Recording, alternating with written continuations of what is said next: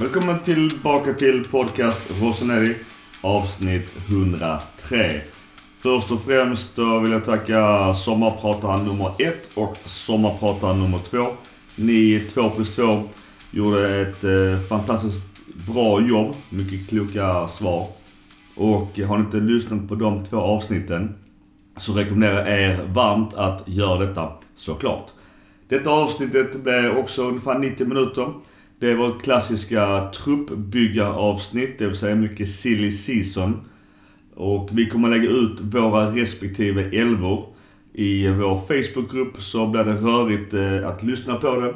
Så titta gärna där så kanske det blir tydligare för er. Eh, nätverk som vanligt, Milan Klubb Svezia och Svenska fans. Vi börjar med en quiz. Den är ganska lång denna gången, håller på i 15 minuter. Blir det jävligt kul. Eh, Men gillar inte quiz, eller vill inte lära er lite nostalgisk kunskap om Milan så får ni spola eller gilla läget. Vi bjuder in Mackan och Gurra direkt och köttar.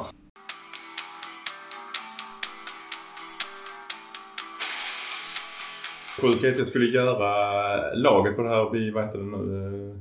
Det är som du la- Build-up. Ja. Gjorde allting klart. Ja. Tryckte spara. Råkade trycka på klar samtidigt. Och jag följde din länk i Ja.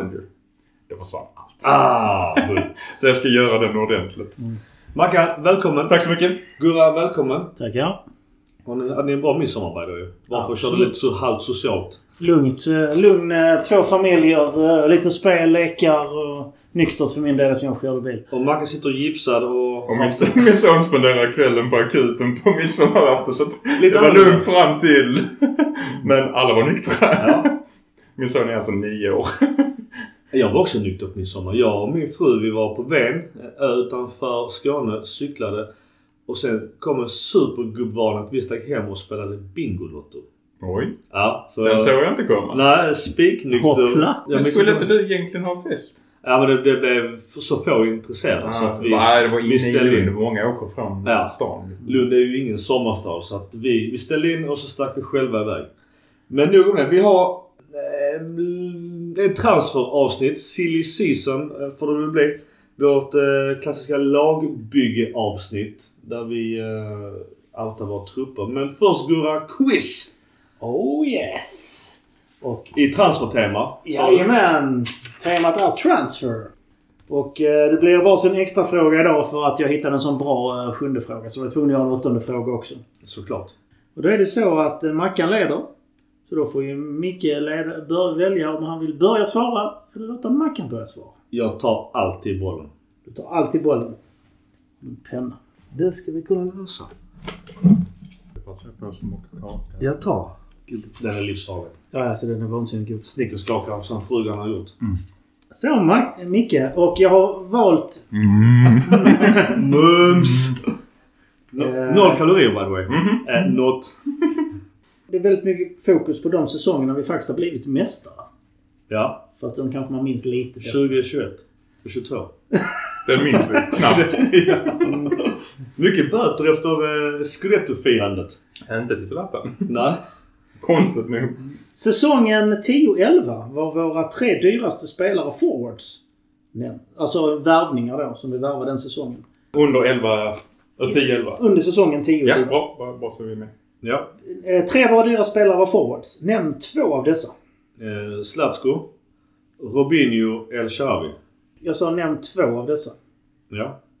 Vill du göra en glänsningsförsök och gå på all in på tre eller? eh, Ja. Alltid. Då har du fel. Mackan?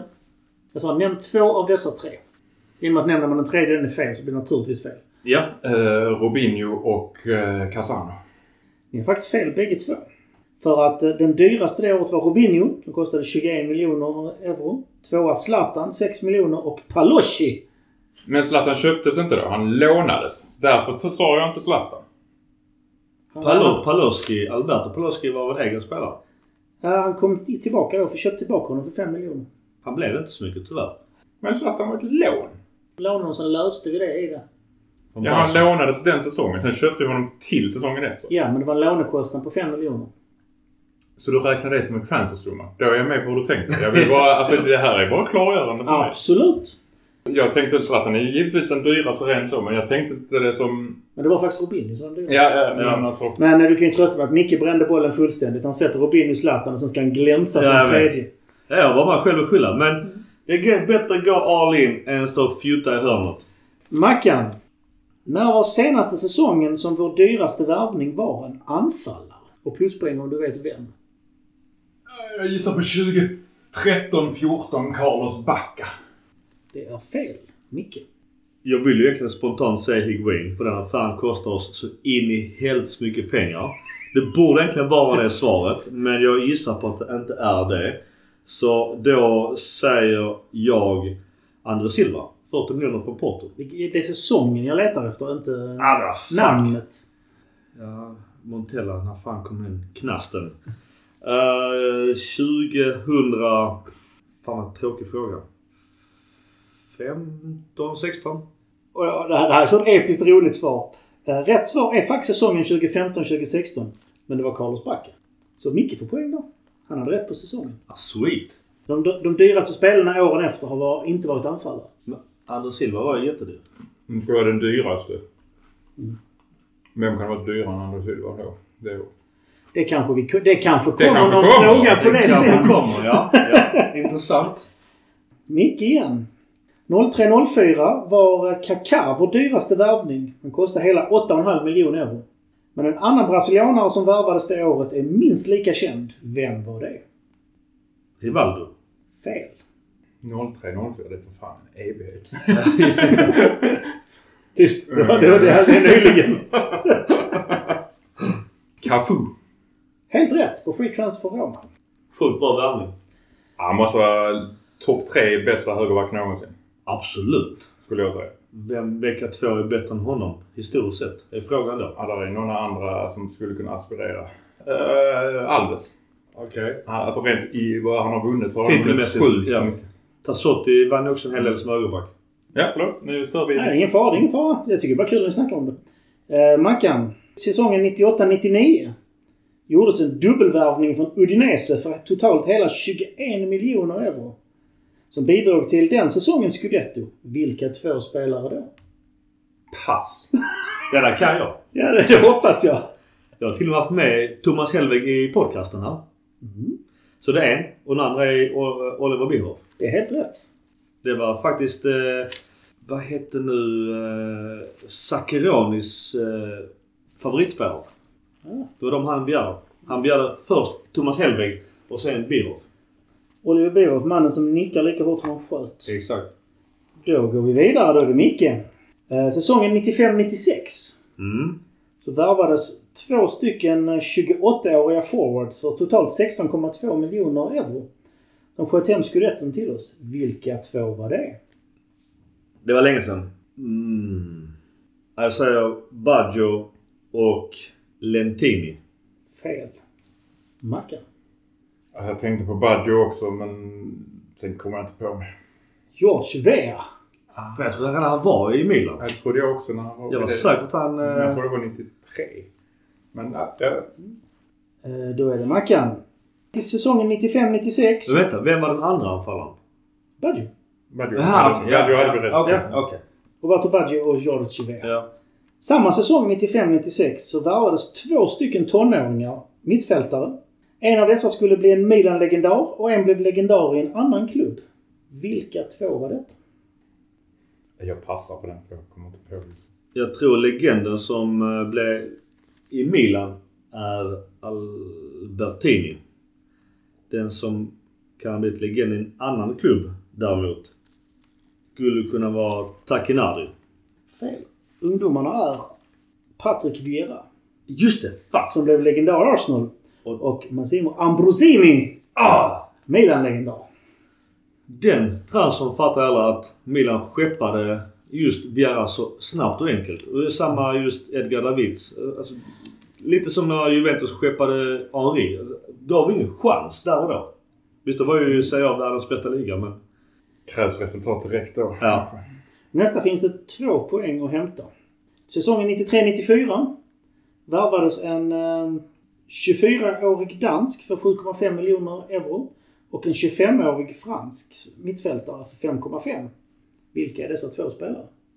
Brian Laudrup. Papin var ju anfallare så det kan inte att han. Bulgari också anfallare. Nu börjar det bli ont om fransmän där och då. Mittfält. Jag passar. Fan. Helvete. Jag har inget namn ens. Du har ett poäng på dansken. Den hade jag också. Men Mm. fransmannen har jag svårt att komma på. Fan, har du tips på den? Alltså, om inte Mackan kan. Nej, jag kan inte. Ni ska få ett till, okej. Han eh, slutade du spela mittfältare strax efter han blev värvad till Milan och spelade mittback istället. Det säger Där var han. Fan! Fan! Fan! Jag hade det... Åh. Helvete! Mm. Ja, mycket Ja, han var bra. Han var bra i Chelsea också. Ja, han Var det det att han var mittfältare som ni föll på? Ja. Ja. Alltså, det var han ju då. Ja. Sista frågan är som så här att jag har listat Milans tio dyraste värvningar genom tiderna. Och med början då på Mackan så får Mackan gissa på en som är på listan. Sen går det till Micke och så vidare. Tills någon av er har, har fått in sex rätt på listan. Fattar. Och den får poängen. Okej, så även om vi har fel får vi fortsätta då? Ja, men då bara... Mackan, Jag börjar med nästa. helt rätt. Tionde plats, 31 miljoner euro. Tionde plats på den. Uff. Då tar jag toppen och säger Rui Costa. Rui Costa, helt rätt. 41,32 miljoner euro. André Silva. André Silva, helt rätt. Fjärde plats, 38 miljoner. Alltså jag vill ju säga Bonucci men, men kommer det bli en sån lånegrej som så jag failar så kommer jag bli nervös. Nu, nu ger det mig en konstig blick också så jag blir, jag blir, jag blir rädd. Så att, Mackan du får ta Bonucci. Jag, jag vågar inte säga det. Vad vill du säga då? Ja, Carlos Bacca. Carlos Bacca, åttonde plats, 33,3. Bonucci. Första plats, 42. Du vågar ta den? Jag tänkte att han kommer så fitta till det med någon jävla låne-higuin och en massa trams. Hur många har vi tagit? Fem spelare? Mm, fem av fem hittills. Vi ska, alltså, över, vi ska över 30 miljoner alltså. Ett svar Micke, annars går det över till Mackan. Ja. Rubinho. Robinho är inte med på listan. Mackan. Står 3-2 till dig just nu i denna. Robinho sa ju innan att han värvades för 21. Mm. Tomori. Nej, den kostar 28. Allt jag har gjort för euro för er skull. Vi har fem spelare till på över 30. Den är rätt tuff. Det är Nej. egentligen bara att tänka men... Shevchenko. Nej, han är inte med på topp 10. Slapp. Han är inte heller med på topp 10. En, är inte det med kostnaden pl- plus lånet? Ja, lite. Jag får klippa ner Jag kan äta kaka under tiden. ah, fuck alltså. Det står helt jävla stilla. Alltså 30 miljoner värvningar. Det är ju så sällan vi gör det så borde man ju lätt sätta. När du har svarat här och svarat lika många så ska ni få en gemensam ledtråd lite grann. Nej, jag har ingen aning. Alltså det står helt stilla. Den här tror jag ni skulle bara sopa hem. Ja, det borde vi Det göra. börjar bra. Det börjar skitbra. Ja. Ja, jag passar. Jag tror Leao kostar. Nej, den är fel. Under 30 Då kostar. får du ta en gissning då innan jag drar en generell eh, ledtråd. Jag passade så han fick. Nej men jag sa Leao. Ja. Nu är det din tur. Nej, jag har ingen aning. Fyra av de här fem har spelat under tiden jag varit med på den. Men Caldara. Helt rätt. Femte, femte plats ju 36,87. Bonucci. Micke? Håkan. Fel. Hur mycket kostar Rebic? Han är inte med där med. Nej, det, den vet jag inte någon transfersumma ens på. Nej, vet du ingen annan heller. Kessie. Helt rätt. Nionde plats, 32. Jag trodde jag, jag var säker på att det var under 30. Det var därför jag inte... Han kom i två av- låneavbetalningar. Sen köpte vi honom. Så totalt sett blev det det. När vi köpte honom så gick det på 24 tror jag. För vi hade betalat 4 eller så är det 500 Okej. var i. Ja. Fyra plus fyra. 4 plus 4 innan tror jag. Det blir höga summor som sagt. Alltså 30 miljoner. Två, två av de här spelarna både köpts och sålts under tiden vi har spelat in. Jag har varit med på det. Lucas Paqueta. Helt rätt. Tredje plats. Snyggt. Helt glömt bort 38,4. Fan, skulle inte han gå till Newcastle så vi kan tjäna lite pengar? Micke. Piontek. Fan vad du hade varit irriterad om du inte hade Ja. satt den. Sjunde plats, 35. Fan, mycket pengar för Var honom. det en kvar då? Jajamän. Sätter du den där vinner du. Annars har mycket chans att kvittera. Det är inte en aktiv spelare. Som sagt när det är så höga summor borde man kunna... Ja, det borde borde vara jättelätt. Men du vet alltså Paqueta glömmer man bort. Som. Ja, Piontek har jag också glömt bort. Han är ju inte... Paqueta är ju värd idag. Det, Ja. Piontek är ju inte värd Vi får varsin till här så får vi se om det. står 5-4 till Mackan just nu. Ja, jag vet om det. Du vet om det? Jag vet om det. Och det är hemskt att jag inte har sagt det tidigare. Det är så jävla pinsamt. Vi måste komma på en utslagsfråga. Det måste jag ju komma på så vi slipper något. Världens längsta quiz. Ja, men, du kan sitta, sitta liksom i två minuter bara för att dra till ett namn. ja, hemskt. Fast jag säger Ronaldinho fast det inte stämmer. Det är fel. Inzaghi. Filippo Pippo Inzaghi. Helt åh, rätt. herregud. Shit. Kan vi kliva bort hela den här frågan? Då är det 5-5 och då går vi till utslagsfrågan. Och då är det närmst för rätt. Ja. Och Micke, du får börja gissa. Exakt hur mycket kostade Andrea Conti? 22,5 miljoner euro. 21,7 miljoner euro. Svaret är 24, så Micke Oh. Oj, oj, oj, oj, oj. Då står det totalt 8-6 till Micke. Oj! Ni tog, ni tog rätt många poäng idag faktiskt. Ja, vi klipper bort hela detta Mackan, för det var så jävla pinsamt. Sluta bara med... Inget quiz så totalt står det bara. ja. Jag tyckte det var rätt roligt. quiz. Ja, det är Ja. men det var inte... Man glömmer lätt alltså, märker jag. Jag får klippa bort all vår betänketid för att... Ja, det var lite frustrerande. Kul frågor, men frustrerande. Ja. Vi vänder eh, till lite news.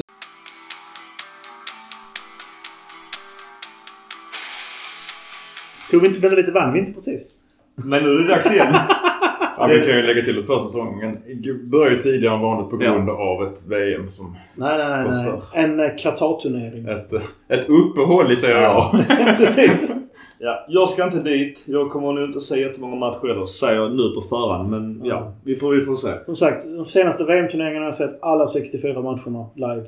Men eh, i år, jag vet, tror inte jag kommer se en match. Ja, jag, jag ska inte sticka ut hakan så, men det är ett eh, VM jag inte är jätteintresserad av. Är inte heller med för den delen, så att... Eh, Jag kommer, jag kommer inte matcha mina arbetstider för att, för att, för att, för att se alla matcher. Absolut inte. Absolut inte. Ja, jag, Men- jag sparar mina föräldradagar. Men Kurva Syd med flera stort jävla tåg, försäsong, eh, flaggor och färg och stor entusiasm. Svårt ord. Det är alltid kul att se. Jag är alltid taggade. Vi kan väl bara kort också säga att... Eh, Lite ambulanser på bilden också säger jag. det är alltid bra med ambulans på plats. Ambulanza. Men trycket just nu är ju enormt tryck. Vi, jag läste att vi har sålt 40 000 säsongsbiljetter så att... Eh, ska vi åka ner till eh, Milano så får vi nu börja nästan titta på resa nästan pronto. Då är det nog resebolag också som gäller. Ja. För lösbiljetter själva kan ni nog räkna Ja. med tufft. Och vi var ju nere så sent som i maj och eh, antingen, som sagt, antingen via oss eller Milan Club Svezia. Någonting får vi väl se om det ens är platser ledigt. Det, var, det är ju fullt ös. Som sig bör när man har vunnit Serie A. Ja. Det kan jämföras med senast vi sålde säsongsbiljetter. Det var ju innan covid. Då sålde de 27 000. Vilket också är ganska bra. Vilket är ganska bra. Mm. Men vi kommer ju till det här har vi pratat om också. Vi kan ju inte ha en arena som tar 40 000 om vi har 40 000 som vill ha årskort. Nej. Vi ska egentligen ha en arena som tar 80. Om vi har 40 000 säsongskort. Om man har det konsekvent, sen ska Ja. man ju ha det. Håller jag med. Något som är nytt är ju alltid årets tröja. Nu har den läckt ut. Eh, Vi, det har varit rykte tidigare. Den eh, har ingen Den har missat. inte läckt ut, den presenteras officiellt. Jo men innan dess. Innan läckte ut den, men nu är den Ja, nu officiell. är det officiellt. Så därför kan vi faktiskt lyfta den. Gurra, du är inte så mycket för tröjor så Mackan ska du och jag... Jag, jag har en åsikt. Du har en åsikt? Okej, men ta din åsikt först då. Alltså, det som jag... Vill du ge både fram och baksida åsikt eller vill du bara... Du kan få en helhet. Ja. Här känns det som att man tagit en svart tröja och så har man slängt på en fyrkant med ränder på magen. Det, det som gör den här snygg är att de har det här mästarmärket där på framsidan. Tröjan är ju inte svart och rödrandig utan det är fyrkanten på bröstet som är svart och rödrandig. Annars så känns det som en svart tröja. Betyg 1 till 5. Vi hade också i vår Facebookgrupp. Eh... Tvåa, svag tvåa. Mackan, vad säger du? Vår officiella tröja? Jag tycker det är lite generiskt av Puma. Jag har en känsla av att du kommer att se liknande tröjor i andra Puma-sponsrade klubbar. Precis som tredje stället i fjol var lika med olika färger bara på de flesta av deras klubbar. Egentligen har jag ingenting emot tröjan. Jag tycker den är helt okej. De gjorde misstag när de presenterade den. eh, Att de inte hade mästarmärket med när de presenterade Jättekonstigt. det. Gör- Varför gör man det? Ja. Tröjan blir otroligt mycket snyggare när du har siffror på ryggen. Ja. Och namn. Och namn. Ja. För den är, ser väldigt tum ut. Den Väldigt kal annars. Ja. Så att den, jag, köper man den så rekommenderar jag att ta nummer och namn. Detaljen eh, vid ärmslutet, åsikter kring det som annars är nytt med italienska, eller italienska färgerna. Alltså jag tycker det är schysst. Jag tycker Alltså, det är snyggt. den detaljen Den är detaljen- snygg. Det är en av de sakerna som höjer det från en etta liksom. Jag tycker också, jag vet att jag läste på Twitter vissa kompisar jag följer där de tycker det är skitfult. Jag tycker också det är snyggt. Eh, Den hade väl nog fått eh, bättre betyg i min värld om att två stjärnor men vi är inte där än. Men jag, jag tycker inte att den är katastrofful. Men däremot, jag tror, hade man haft denna varianten med ett par eh, röda Adidas-streck på, på ärmarna uppe. Så hade det varit lite mer färg i det hela. Eh, Bara ränderna hade gått upp över och ner på baksidan. Ja, Puma tycker jag gör rätt fula grejer. Jag vet att, på tal om tröjor, Malmö FF har ju har ju fått mega mycket kritik för deras 3D-tröja. Och jag- den när man knappt ser logg-märket. Ja, alltså, alltså helt vansinnigt. Men återigen när, när vi lyfter Puma så... Vi har ju fått nytt sponsoravtal med dem. Man kan dra lite siffror på det i vår interna chatt. Det är ju, är ju inget helt officiellt än men det pratas om 30-35 miljoner euro från 14 miljoner euro per säsong. Eh, Den stora skillnaden är också att de sponsrar eh, tjejlaget och ungdomslaget. Mm. Pengarna ska delas med fler lag men den är ju en betydligt eh, stor ökning. Betydlig stor ökning. Ja, avgörande stor. Eh, vilket jag tror är anledningen till att vi har faktiskt då förlängt kontraktet också med dem. Om jag har Så vi har Puma till minst 25 om jag läste rätt. Ja, Så- och anledningen, alltså anledningen där är ju att Adidas kanske säkerligen hade velat vara med eftersom Milan börjar gå bra igen. Men har du ett... De ger så fruktansvärt mycket pengar till Juventus. Ja. De har inte råd tror jag, rent. Rent krasst, det är en fulare tröja men det är bra pengar. Det kanske hade sett kladdigare ut om, med tanke på att vi har fler sponsorer på tröjan idag. Om du hade haft ränder överallt. Jag vet inte om de har tänkt så. Du kan ju ha svarta ärmar och sätta det där för det är där loggon är. Men att ha svarta axlar blir ju... Alltså nej. Jag ska säga det positivt. Det är att till skillnad från Inter, Juventus och många andra pisslag så har vi ränderna i alla fall. Som man säger, ränderna går aldrig ur och det gör ju i alla fall inte... Det är i alla fall ränder som är symmetriskt vertikala. Det är inte det här eh, psykedelisk LSD-ränder som inte har Juventus-ränder eller som knackigt eh, spräckliga och annat skit. Så det måste i alla fall ge plus på att de har tagit in det. Vi, ränderna går inte ur. Håll inte på att fitta med, med ränderna. Vertikalt pang. Sen kan man alltid diskutera. Är det för få ränder? Är de för tjocka? Är de för smala? Där kan man ju diskutera i det oändliga. Men ofta brukar jag med matcher in bli mer och mer van vid tröjan och gillar den mer och mer. Jag, jag gillar ju numera till och med tröjan som du köpte till din grabb Mackan. Att jag har lärt mig bara så fan den är inte så katastrof nollpoängsful. Som den här sporttoppen. Ja, som jag tyckte från början. Jag bara såhär, fan nu börjar den växa på mig. Jag... eh, På tal om det, alla ni som köpte en, en Puma officiell tröja 2021, 2021, 2022 säsongen, alltså den som är slut nu. Eh, Kan ni åka ner, är ni i Milano kan ni åka in och få ett gratis tryck. Att man är mästare. Coolt. Det ingår. Gratis bjuder de, eller bjuder och bjuder, men det, det, det tycker jag ändå är stort. Då. Ja. Skulle man kunna göra. Okej. För att det stod så att det ska vara möjligt för även folk som inte bor i Milano eller i Italien att göra det. Snyggt. Till skillnad från den som trycker Tonali och 8 på Men du hade ju en pirattröja. Alltså herregud alltså. Från Puma. ja. Offi- officiell. Ja, Pumas outlet. Ja, Ja, skitsamma. Men vi...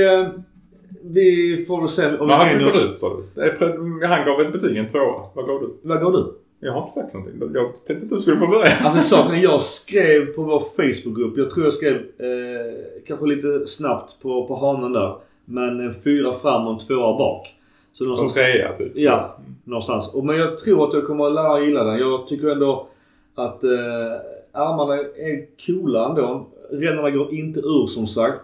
Det är ju en tydlighet svart och rött ränder. Det är det tydliga. Och det är lite det som är Milan också för mig i färgval. Att det är tydliga ränder. Tänk när ni ser den här uppifrån från läktaren så kommer det nästan se svart ut. Ja, det är en nackdel. Och i synnerhet om man ser personen bakifrån så är det faktiskt en helsvart tröja. Faktiskt. Så ränderna har gått ut på baksidan. Ja, och det är därför den får mycket sämre betyg på baksidan. För att eh, jag förstår att man kan väl ha en tydlighet med, med numret och namnet. Men jag tycker att de kunde löst det mycket bättre. Men det är Puma. Jag gillar inte Puma. Jag är en Adidas-kille. Utan att vara Adidas-krigare. Jag gillar eh, inte heller tröjan överdrivet mycket men totalt sett skulle jag nog säga en trea. Jag är med dig Micke att man inte har hållit på fjett med massa konstigheter. Det är fortfarande ränder i alla fall. Ja. När tror ni de ändrar eh, loggan då? Aldrig hoppas Aldrig jag. hoppas Nej men ni de gör det? För jag kan nästan svära på att det kommer att hända. Kanske inte så länge Maldini är där. Mm. Jag vet inte. Men alla andra klubbar gör det. Ja. Venezia gjorde det nu senast. Ja, fy fan vad fult det blev. Jag vill fortfarande hoppas att de inte kommer ändra det. Jag vill inte heller. Jag är bara orolig att vi gör det. Jag tror att någonstans ska- att man... Amerikanska ägare, man ska Ja. byta... Och där tror jag det är väldigt viktigt. Jag, för jag köper att jänkar don't give a fuck vad vi tycker. Tänker i denna soffan och kanske ner Milano och resten av världen. Om de tror att det ska sälja mer tröjor. Det kommer inte sälja mer tröjor för att man byter logga. Det får man i så fall göra det som en träningströja eller någon annan märke och köra någon annan variant på det som de försökt det ett tag ju. Men till exempel här med Juventus toalettstol. Det säljer ju inte mer eller mindre kläder för att man har en toalettstol på, sin, på någonstans på bröstet. Alltså tvärtom nästan. Det är inte så att de som inte håller på Juventus kommer köpa en toalettstolsmärke. Bara åh fan vad cool tröja. Nej det, det, det är det inte alls. Så att det här med att man tror att man säljer mer merch för att man ändrar en logga. Alltså det är bara så jävla dålig eh, feedback från allt och alla. Speciellt inte om man tänker efter var säljer tröjorna mest. Ja. Det är ju Europa såklart. Ja och rent vill jag ha en Milan-tröja så ska det vara tydligt att det är en Milan-tröja. För annars ska du inte bara köpa något piss. Annars kan du köpa en privatkopia. Ja. Mm. Kragen har fått mycket kritik också. Speciellt om jag inte har sett det när de spelarna har dem på sig. Att den inte sitter bra. Där kan det väl faktiskt varit en, alltså till exempel rött just för att ha en färgklick uppifrån. Det, och, men de menar att den, varför har man en sån krage på en fotbollströja? Jag vet inte. Det är väl italienskt lite kanske också att ha det. Men... Det var ju inne för några år sedan så det är inget konstigt. Jag skyller allt på Puma. Eh, lite officiellt. Då är eh, Messias Junior klar för Milan. Malini har rabatterat ner det rätt så kraftigt. Gjort ett eh, ninja moves. Han gjorde ju ett fantastiskt mål i Champions League. Eh, Åsikter kort. Eh, rätt eller fel att förlänga med Messias Junior? Jag tycker det är fel. Det, han spelar inte på positioner där vi behöver få in bredd. Han spelar positioner där vi behöver få in kvalitet. Han har fotboll i sig killen. Och det är som sagt, ligger han kvar på ungefär samma lön som han gjorde förra säsongen så kan det vara bra att ha som breddavlastning. Men eh, bara inte betala några pengar för honom i princip. Mackan, Messias?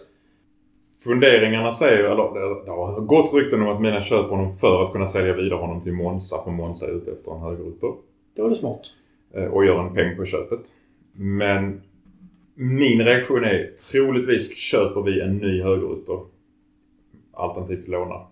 Vad händer med Sälemakers? Jo, då säljer vi honom för han kan vi få pengar för. Vi kan inte få så mycket pengar för Messias. Mm. Därför tar vi in honom som bredd. Som du är inne på. Mm. Ja, det här bygger ju på om vi har gett, om vi gett upp Sellemakers eller ej. Det är ju där frågan ligger. Liksom. Det är väldigt tyst dock kring Salamakers. Jag tycker ju så här. Att vi skulle inte köpa Messias. Behålla Sälemakers och ta in en erfaren högerytter som han kan lära sig av. Nej. För att Salamakers har ju en utvecklingspotential som är högre än Messias. Mm. Jag tror inte Messias blir mycket bättre med tanke på ålder och, ja, ålder och hur mycket fotboll han har spelat innan så att säga. Mm.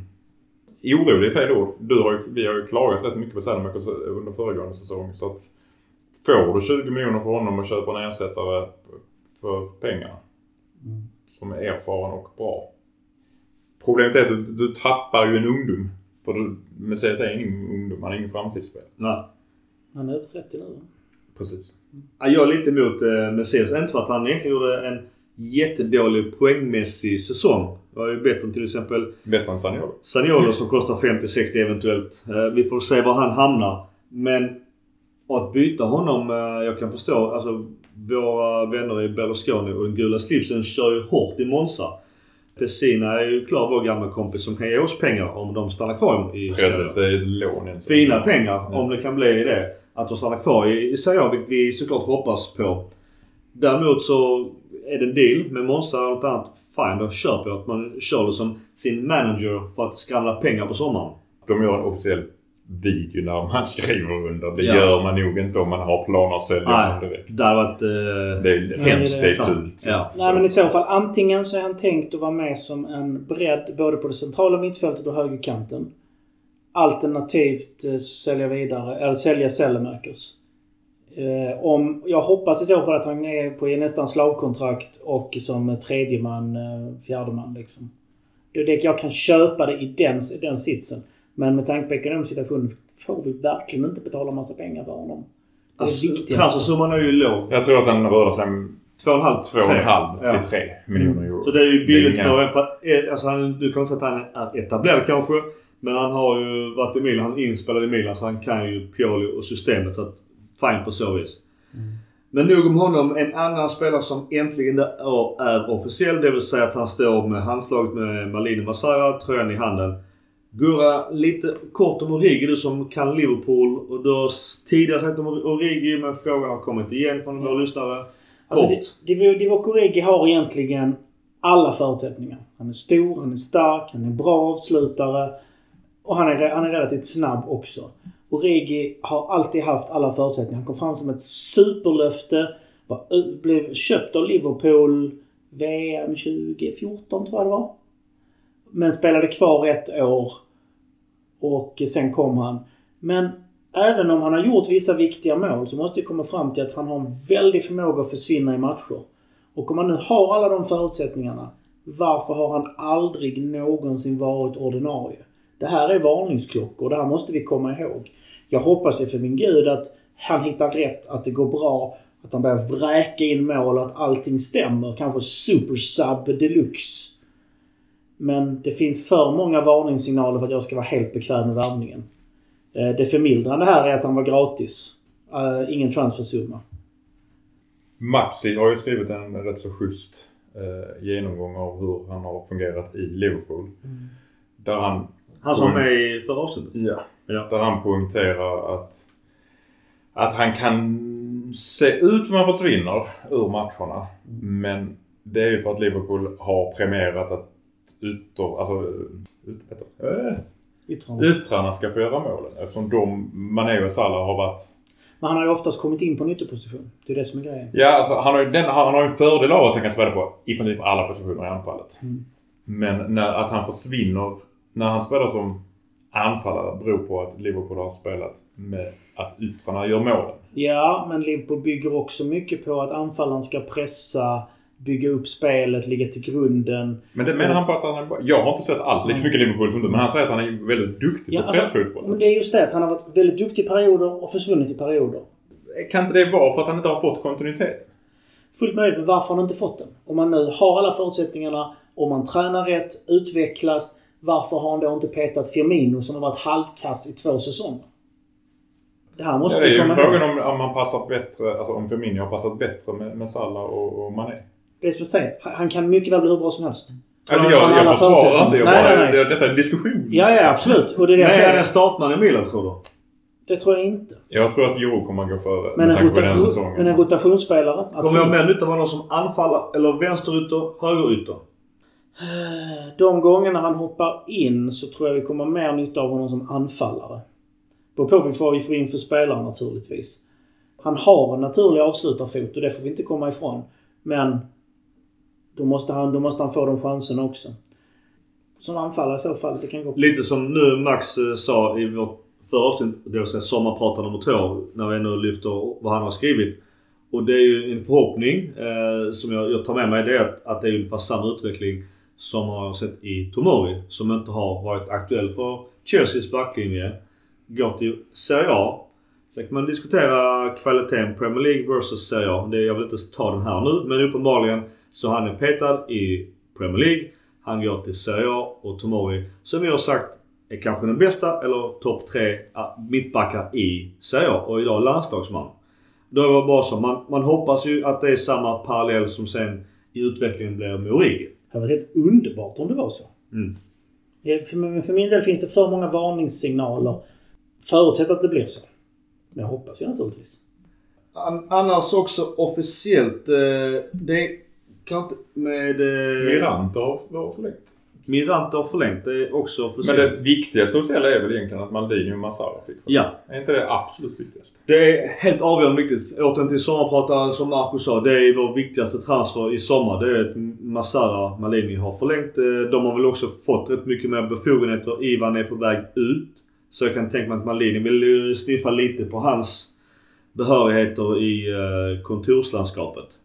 Har ingen som helst belägg för det jag säger nu. Men tror ni inte att Ivan på väg ut beror lite på att han faktiskt har varit sjuk? Han har haft cancer. Ja. Kanske. Och nu har han fått som, nu, och nu har han fått som, nu har han gjort sitt jobb åt Elliot. Fått casha in på det. Han behöver inte jobba med resten av sitt liv. Får man 20 miljoner euro ner i fickan så eh, är det bara att tacka och ta emot. Hans uppgift var ju att höja värdet, värdet på klubben. Många för- reagerar ju på att han och det är ju inte helt officiellt heller, men ryktena säger att han fick en, en procent av försäljningssumman. 5%. Många reagerar på det, men, och jag fattar inte det. Det är ju Varför? det, det är inte, det, tar, det är inte, dras inte några pengar från Milans kassa. Ja, det Det är Elliot är ju, jag tycker det är grunt. Det är skitsmart av dem. För de ger honom incitament till att höja värdet på truppen. Och hur gör man det? Jo, genom att göra bra ifrån sig på plan. Men bara för att förtydliga. De här 5 procenten som han har fått, det vill säga 20 miljoner, är pengar från vadå? Bara så att man inte missuppfattar. Det är från köpesumman. Elliots pengar. Elliots Mm. pengar, inte klubbens pengar. Så det kanske vi kan... Det var också en lyssnarfråga. Det är därför vill jag förtydliga den. För att den har varit kanske lite otydlig eller har man velat läsa som man har velat läsa det. Det är inga pengar som att Milan får mindre.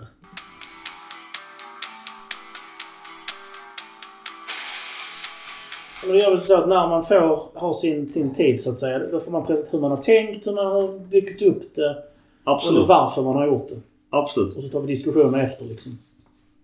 Jag har gjort en, ett buggelag och ett realistiskt lag.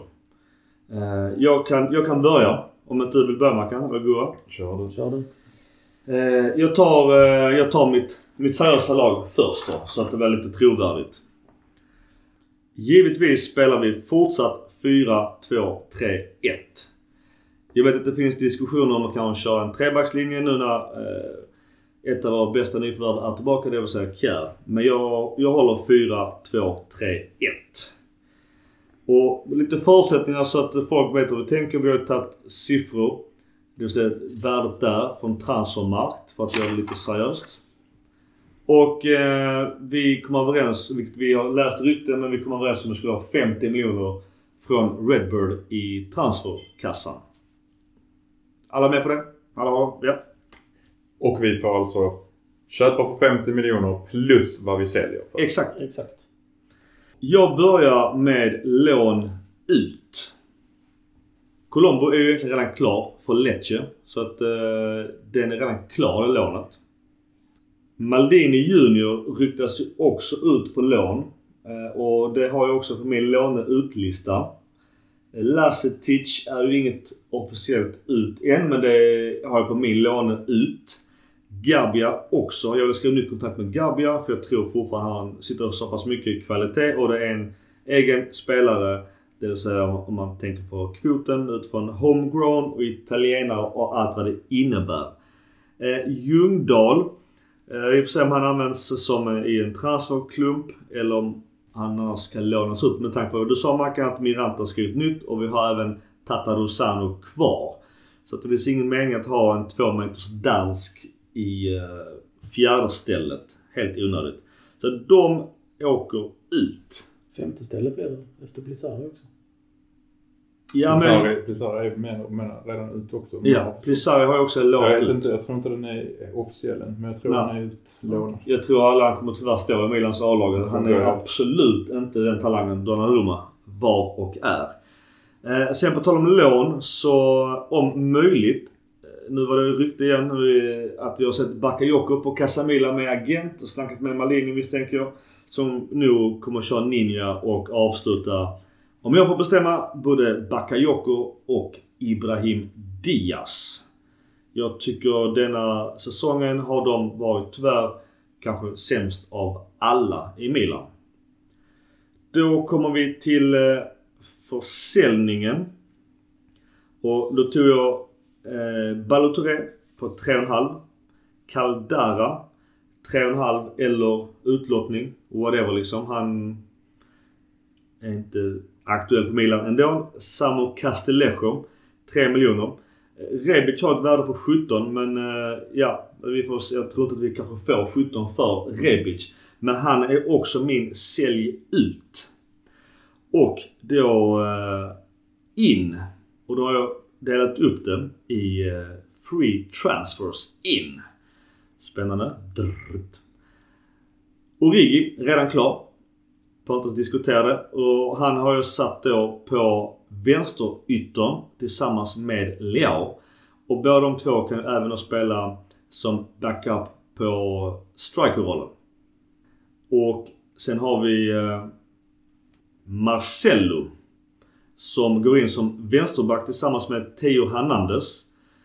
Och då är det lite mer högre hårfäste, vinnarkultur, erfarenheten och eh, någonstans lite det här Zlatan-tänket. Eh, att, att någonstans vara lite mentor eh, och eh, den här mixen som Malin har med eh, gammalt och ungt. Så där är vänstersidan klar. Sen kommer vi till eh, anfallare. Där har vi Giroud och Zlatan. Inget nytt där. Men min backup, eller rotationsspelare tillsammans då med egentligen vänsterkanten. Det är italienare, det är Bosman, det är eh, Shevchenko Idol och i Belotti. Så då är anfallet stängt. Spelarna bakom har jag redan in i eh, Adli. Spelaren från Bordeaux. Han eh, sätter jag som nummer 10. Dock som backup för att här kommer mitt första köp på 28 miljoner kronor. I... Euro hoppas jag. Ja, förlåt. Euro. I min favorit. Och han är inte klar för Paris så det är fortfarande öppet. Och nu pratar vi idag den 7 sjunde. Så att ingenting officiellt. eh, Detta kan vara helt kört imorgon. Men det är min favorit i Renato Sanchez. Han vill jag ha som offensiv mittfältare på vårt mittfält. Med då Adli som backup. Så jag har två positioner där. Yttern, höger. Då har jag kvar Selmakers. Och då kommer min nästa Bosman-spelare i eh, Dybala. Som högerytter. Ja. Han kommer också eh, alternera med Sanchez som eh, AMC AM, eh, och AMR. Så att eh, det kommer vara lite flytande beroende på vilka vi möter. Men, och de kan ju också rotera med varandra så att det någonstans täcker upp för varandra beroende på hur, vad vad vi möter. Sen kommer då eh, mitt eh, storköp och det är Bremer. 35 miljoner är han värderad till och eh, det är mycket för att han är ligans bästa back tillsammans med Tomori och Skriniar. Och det kommer ju totalt fucka upp Inters planer. Vi gick miste om Bottman. Malin vill ha en supermittback och då är näst på tur är ju Bremer i mina ögon. Och sen också då Messias har jag lagt in då att det blir köp på, på 3,5 miljoner. Det blev officiellt så att jag hann precis klämma in den. Och då blir det en summa på 66,5 miljoner i köpesumma. Och, och sen då eh, Rebic, Sam och Caldara Balotelli att då med då de här 50 miljonerna så går det plus minus noll på ett ungefär. Eh, Så min trupp blir eh, målvakt Mike och Tata Osano. Högerback Calabria Florenzi. Mitt, mittbackar då klumpar jag här i Bremer, Kalulu, Tomori, Kjär. Sen då Teo Marcelo på vänsterbacken. Eh, mittfält sittande har vi Tonali och alternativ på Bega. Sen Benazzo Krunic. Och sen som jag sa, Dybala Sälen till höger. Eh, och AMC Sanchez Adli och eh, vänster vänsterytter Leo Origi. Och anfall då Giroud, Belotti och Zlatan. Det är laget som kommer att ge oss två stjärnor och vinna nästkommande scudetto igen. Ja, det var fint att försvara en titel. Ja, Vem var det jag skulle bli irriterad på? detta är min seriösa elva. Jag har en eh, boogie. Ja, men Är det seriöst som du tycker eller som du tror? För det kan ju också, alltså det kan ju vara seriöst för du tycker att det skulle vara ett bra Realistiskt. lagbygge. Realistiskt. Realistiskt att kunna göra det. Eller är det vad du tror kommer hända? Detta är... En Eh, kombination? En kombination. Jag, jag hoppas ju på alla mina bossman. Eh, som är både Marcello, Dybala, Belotti. De vill ju se. Alltså just att det är ju... Synnerhet Dybala. Det är inte min favoritspelare för fem jävla år. Jag tycker han är en jävla... Jag vill inte säga vad. Men det är en, en fuck off-värmning som ger ett eko i Serie A. Och vi har chans att få honom. Inter verkar ha fullt och kast med pengar. Och han kan inte gå tillbaka till Juventus där han bölar bort sig. Då är det bara Milan kvar eller utlandet. Atletico Madrid har ju inte pengar så att han kan inte gå dit heller. Visst, nu är det snack om Manchester United. Men jag vet inte fan om det är, han platsar i, med sin stil i Premier League. Så att... Eh, det är min 4-2-3-1 som kommer ta guldet. Åsikter på den? Ja. Nej, jag, jag, den, den, vissa delar är väldigt likt mig. Ja. säga. Gurra, vad åsikter då? Du som kanske inte är lika lik min. Alltså det påminner ju om vartannat. eh, Du har identifierat vissa grejer. eh, Men absolut, det ger ett absolut stabilt lag. Stabilt. Det är inget vinnande lag. Det är absolut ett vinnande lag. Det absolut Problemet, vet, vinnarlag. vet vad problemet är jag ser? Är att de andra lagen i Serie A värvar hej vilt. Men det är behöver vi det? Jag är inne som Malini. Vi behöver fokusera på AMC, AMR. Det vill säga attacking midfielder center, attacking midfielder right. Jag håller med dig. Där. Alltså, jag Det är där vi lägger vi, pengarna. vi, har ju ett bra lag. Och ändå lag 35 miljoner på Bremer. Ja. Det är för att eventuellt kunna eh, göra rokad, schackrokad och gå in och köra en trebackslinje. För tänk då Kalulu eller Kjär med Tomori och Bremer. Jag vill inte möta de tre. Fy fan vad jobbigt det hade varit. Och då kan man då spela eh, Teo som winger. Sen får vi se vem det blir med Calabria och Florenzi. På sikt, eh, Florenzi är ju också officiellt klar ska vi också säga. Ja, det har vi glömt. Ja. Så att det är där, och jag vill någonstans så Bremer är också en, en spelare som är så jävla bra. Och har vi chans att, att köpa honom så tycker jag vi ska ta det. Yes. Mm. Kör du Marcus. Jag kan köra. Eh, jag är väl lite inne på samma som Micke med försäljningarna. Men jag kan ändå säga vad vi tjänar pengar på. Castillejo 4 miljoner enligt Transfermarkt. Caldara 3,5 miljoner enligt Transfermarkt. Vad Micke glömmer är att vi kommer få 12 miljoner för Haug. Just det! Fuck! Det missade jag. Som är officiellt nu. Ja. Eller skall bli. eftersom Frankfurt höll sig kvar i Bundesliga. Precis. Jag tror att vi säljer Colombo. Det är, verkar vara en försäljning på gång med en återköpsklausul. Och enligt Transfermarkt är han värd 3,5. Och Duarte är på väg ut. Eh, Transfermarkt 2,2 miljoner euro. Balotelli också ut 3,5. Eh, jag tror att vi säljer Selemaker som jag var inne på innan för 17. Sen har Kessie och Romagnoli försvunnit gratis. Gabriel tror jag också att vi lånar ut. Eh, sen har jag lagt in en liten bubbla för att få in lite mer pengar. Och att Paqueta säljs och vi får 15%. Och Ja. då är det 5 miljoner. Inte mer än fem. 15% är 5 miljoner av värdet på Transfermarkt har. Ah. Så att jag får Ah, gå på det. Okej, är ja, för summorna som nämns är ju mycket högre. Ja, att han säljs för mycket men vi Ja. har 15% i... Är det inte i- 15% på vinsten vi har? Jag, jag vet inte. Jag försökte kolla upp det. Men jag satte 5 miljoner. Det är Ja. ju högst osäker över ändå. Jag tror inte ens jag behöver den för att få för Det är ingen budget. hedge, hedgefondvärvning. Jag tror, inte, jag tror inte jag behöver det för att få budgeten att gå ihop ändå. Och in har vi köpt Messias och han är ju värd 3 miljoner enligt Transfermarkt så jag fick ju sätta 3 miljoner. Ja. Jag tror att vi... Och, alltså, jag tror att vi lånar ut Gabia. Därför tror jag att vi eh, värvar Serbi som en femteback. Eh, och har som rotationsspelare för vi behöver en Du tänker Lazio, Lazio, gamla Milan-spelare. Han kostar fyra. Eller värdet enligt Transmarkt är fyra. Det har snackats otroligt mycket om Charles de Kettelare. Eh, så jag har gått på att vi köper honom för 30 miljoner för det värdet. Jag tror att vi lånar in Ziyech från Chelsea. Och jag tror att vi får det för 5 miljoner. För det här uppskattar jag igen för att det finns inga officiella siffror att ta på det. Och Origia har kommit in gratis. Jag tror att vi tar, också tar Marcelo gratis. För jag vet att Maldini uppskattar Marcelo jättemycket. Ja. Och vice versa. Ja. Där snackar vi vinnarskall också. Ja. Sen tror jag inte vi får Bremer. Jag vill ha Bremer men jag tror inte vi får honom. Så därför har jag lagt in Diallo från PSG för 18 miljoner. Som vår mer etablerade back. Han är inte så etablerad som jag vill att han ska vara men jag ser det som en möjlighet att få honom. Jag tror att Sanchez är tyvärr är förlorad för att jag tror att han kräver för mycket i lön för vad Milan går med på. Så jag tror att vi behöver Cristante tillbaka till Milan för 20 miljoner euro. Erfaren eh, defensiv mittfältare som kan Serie A. Du värvade honom förra året också i det här snacket. Gjorde det? Jajamensan. För där hade vi någon återköps... Någon pengar. vi hade någon var klausul. det där. Pessina? Vi hade det. gör Pessina. Okej. Mm. Men vi kan kanske ha det på Kristant också. Men det var Jag länge vet sedan han. Jag vet, han var väl Galliani i försäljning, var det inte det till och med? Ja, väl till Benfica för jättemånga år sedan. Men jag tror att vi värvar tillbaka honom. Sen har jag en bubblare som jag skulle vilja se. Som jag inte tror vi har råd till lönen, men Dembele som högerytter. Just nu tjänar han 1,4 miljoner pund i månaden. Jag vet, men han har ingen klubb just nu heller. Så han tjänar ingenting just nu. Ja, mycket snack om Chelsea. New- New- Newcastle är Mycket snack där. Ja. Ja, men det, det, Vilket också Jag kan strunta i lönerna för det har egentligen inte inräknat i vår, eh, vårt bygge. Men det som är just fördelen med att Dembele verkar mycket gå till Chelsea innebär att Ziyech blir ju mer eller mindre dumpad. För det är, Precis. Jag tror de, de spelarna, nu- hoppar jag in i ditt eh, snack här med De Kettler och uh, Ziyech är ju mycket rykte nu kring till Milan. Ja. De tar väl lite ut varandra. Kommer den ena kommer inte den andra. Det är så jag har tänkt.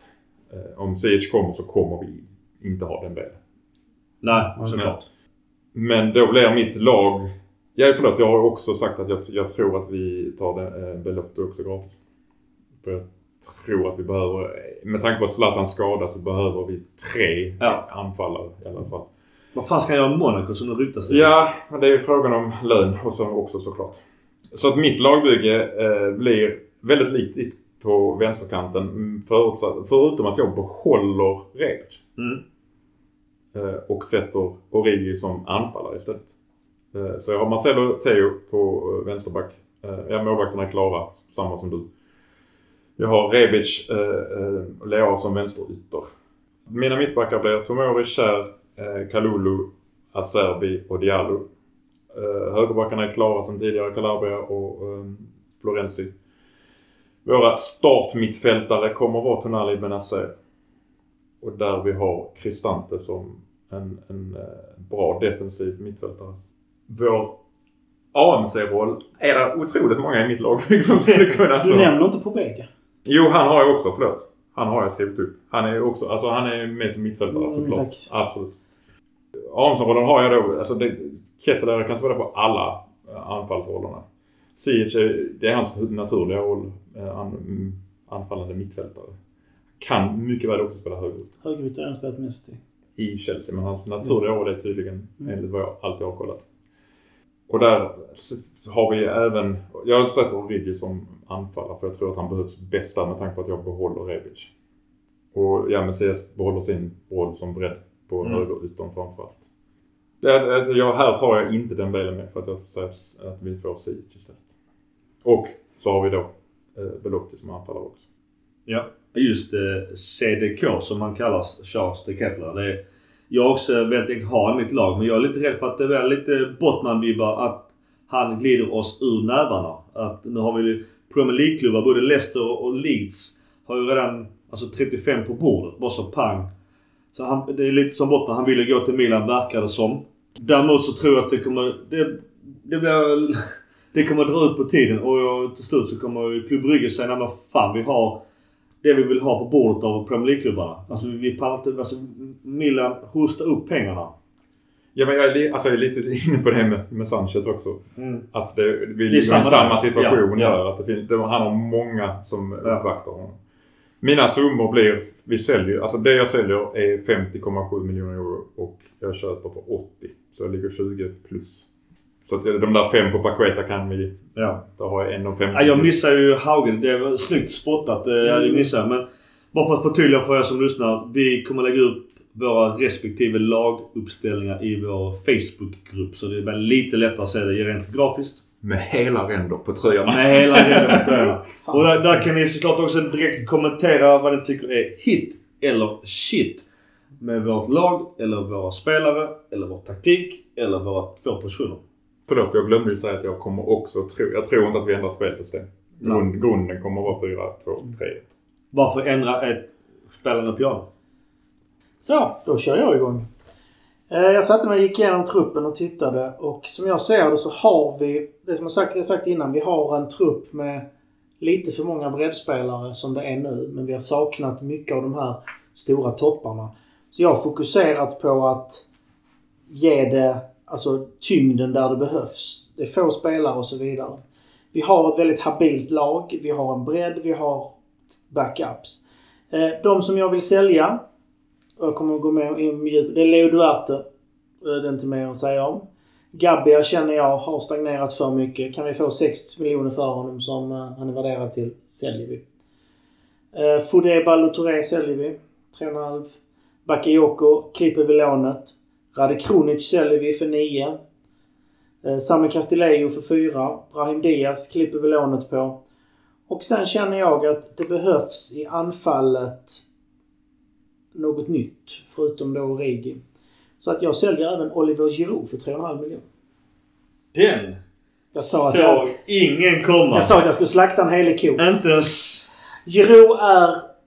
Börjar krypa upp i åldrarna. Eh, det märks. Han... Ehm, det behövs något nytt där. Vi har redan Zlatan en säsong till. Även om han missar stora delar av den.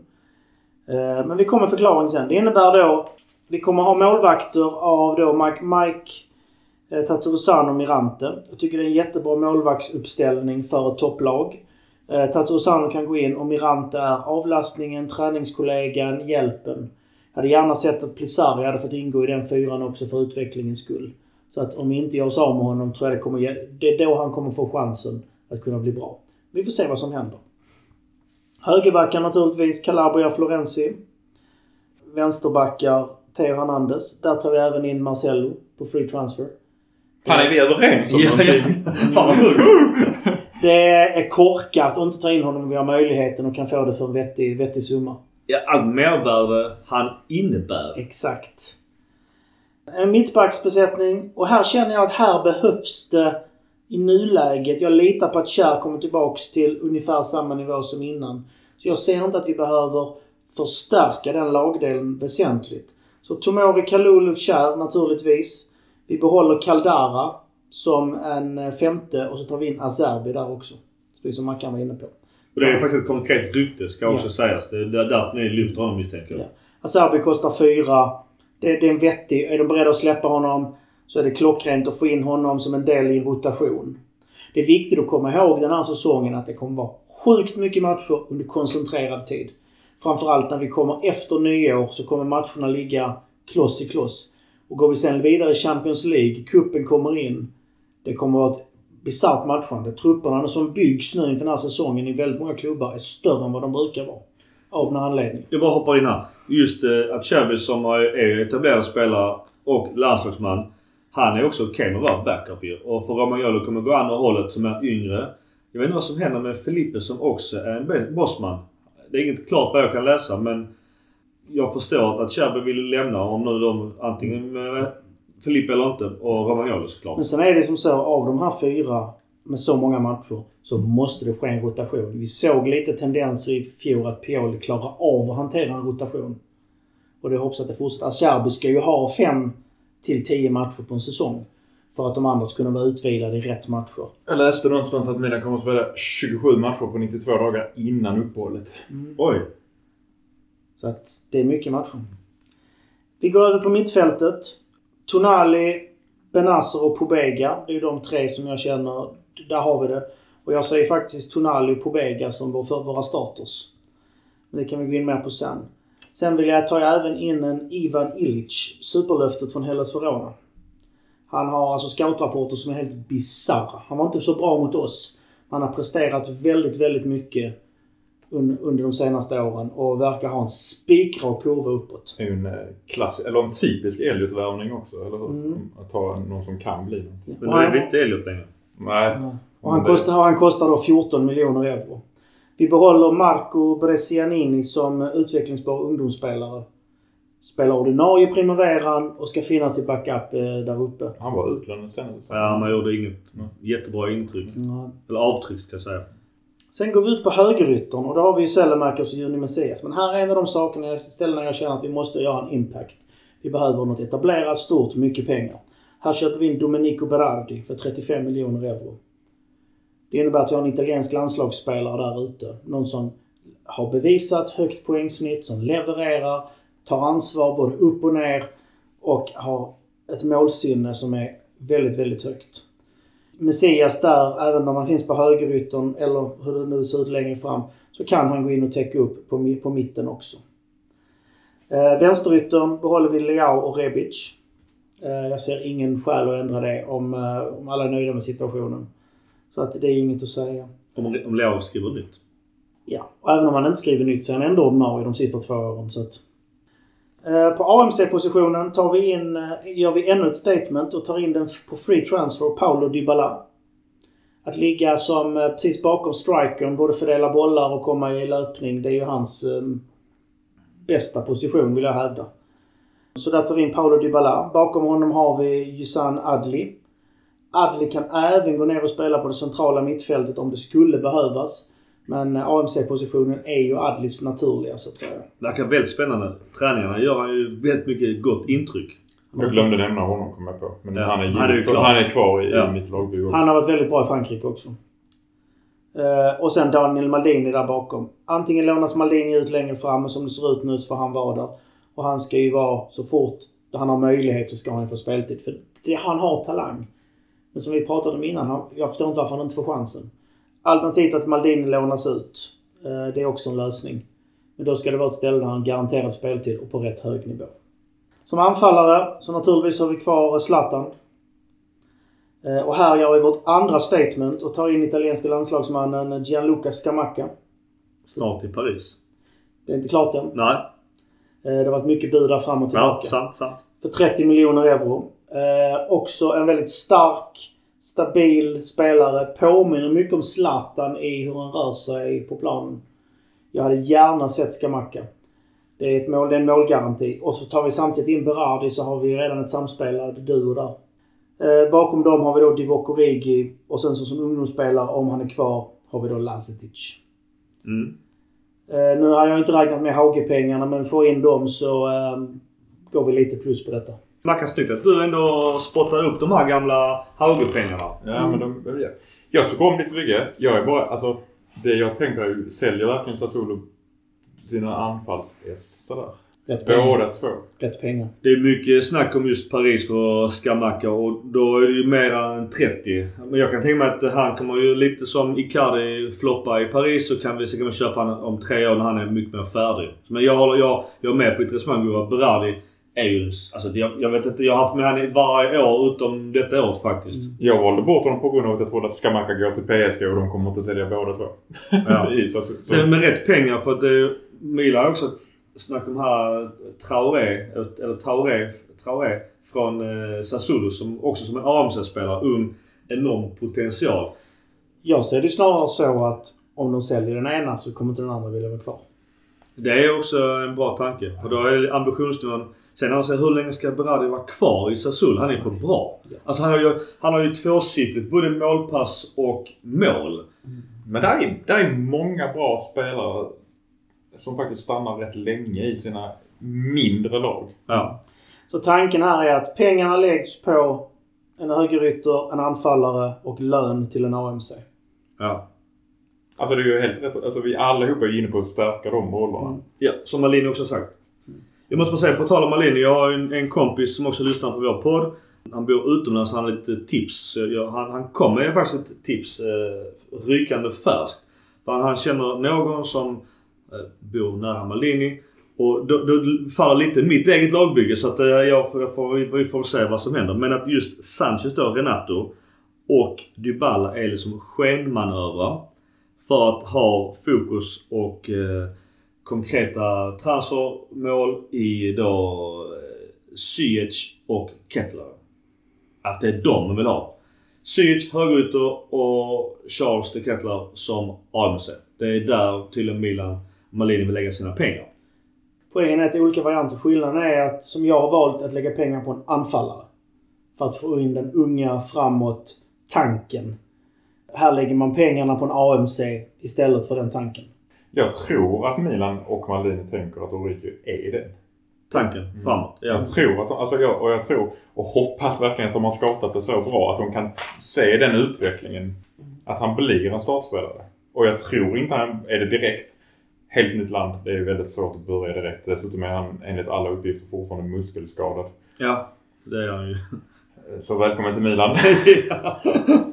Men eh, om jag ska ge lite konstruktiv kritik så kommer inte Jiro säljas. Nej, det, rent, det tror jag. eh, Jag, jag gillar att du sticker ut hakan Gurra. Det är kul att, eh, att man tänker annorlunda. Jag, jag förstår ditt resonemang. Men jag skulle bli förvånad för det är till och med snack om att skriva nytt kontrakt. Jag tror inte det görs, men jag tror det hade varit bra för truppen. För att ge mer speltid då till det sista Macka och Rigi. Zlatan finns som trea när han är tillbaka som mentor. Jag har känslan av att Zlatan kommer att spela ytterst lite och bara vara mentor i princip. Ja. Ja.